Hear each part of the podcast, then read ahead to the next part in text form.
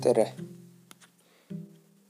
järgmine lugu ja see räägib La Parva suusakuurorti kummitamisest.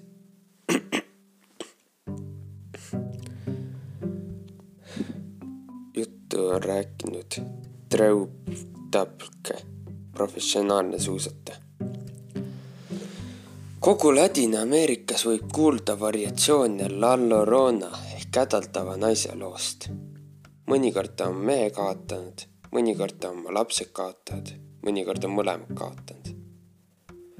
kuid Tšiilis Andides suusako-, suusakuuratis La Parva on hädaldava naise nimeks Lola ja kõik selle piirkonna elanikud pannud, et tundsid teda enne tema surma.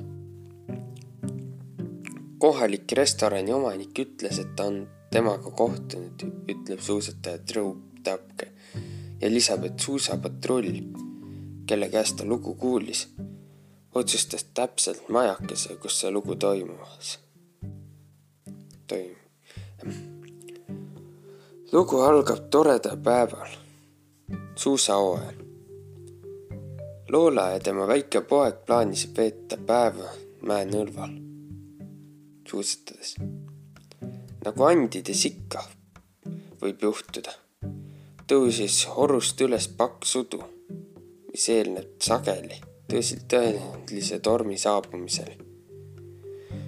pilved ümbritsesid neid kahte mäe otsast allapoole liikudes ja nad kaotasid üksteisega kontakti, ütleb Tõake. Loola tahtis oma poega meeleheitlikult leida ja hakkas läbi paksu udu joostes tema nime karjuma. Kuna ta ka selgelt ei näinud, kuhu ta jookseb, komistas ta järsult nõrv, komistas ta, hukkus järsult nõrvalt alla ja hakkas libisema kivise, kivise pinna, maapinna poole. kivi kukub turba. juhuslikult sattus tema keha juurde kohalik lifti opera-, see kondoperaator, kes naasis oma tööle kohta. Ta kartis, et naine on surnud. kuid lähemal vaatlusel avastas ta, et naine on veel napilt elus. vaevalt elus, räägib Tavke.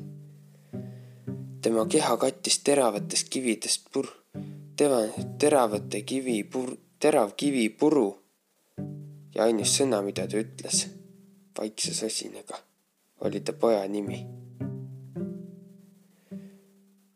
Lifti operaator püüdis naise keha ettevaatlikult oma kabiini viia, mis asus just mäe peal, kabiini tõmmata.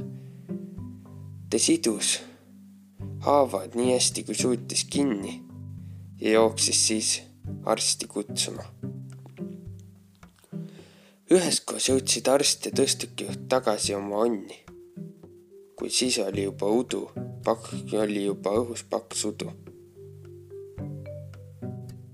kuid kui nad kohale jõudsid, oli voodi tühi. kas oma onni kui udu oli paks, kohale jõudsid, voodi aga tühi. alles olid jäänud verised linad. naist ega tema poega ei leitud kunagi, ütleb Tavke kuid kohalikud teatavad, et kuulevad tema nuttu juba lapse pärast, kui need selle, kui need on selle lifti, siis lifti selle, selle tõstuki lähedal.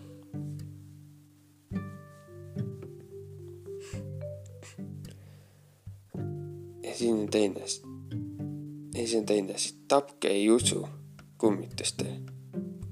kuid kui ta saabus saabub iga talv Tšiilisse, siis see muutub. võib-olla on see La Parva päralt. Tõttu.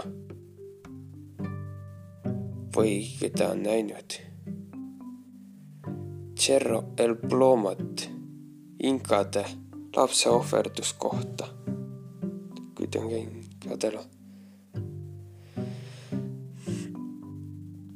võib-olla see on seetõttu, et Tahke on lihtsalt lugenud nii palju maagilise realismi raamatuid autoritelt Juan Rulfo ja Gabriel Garcia Marquez.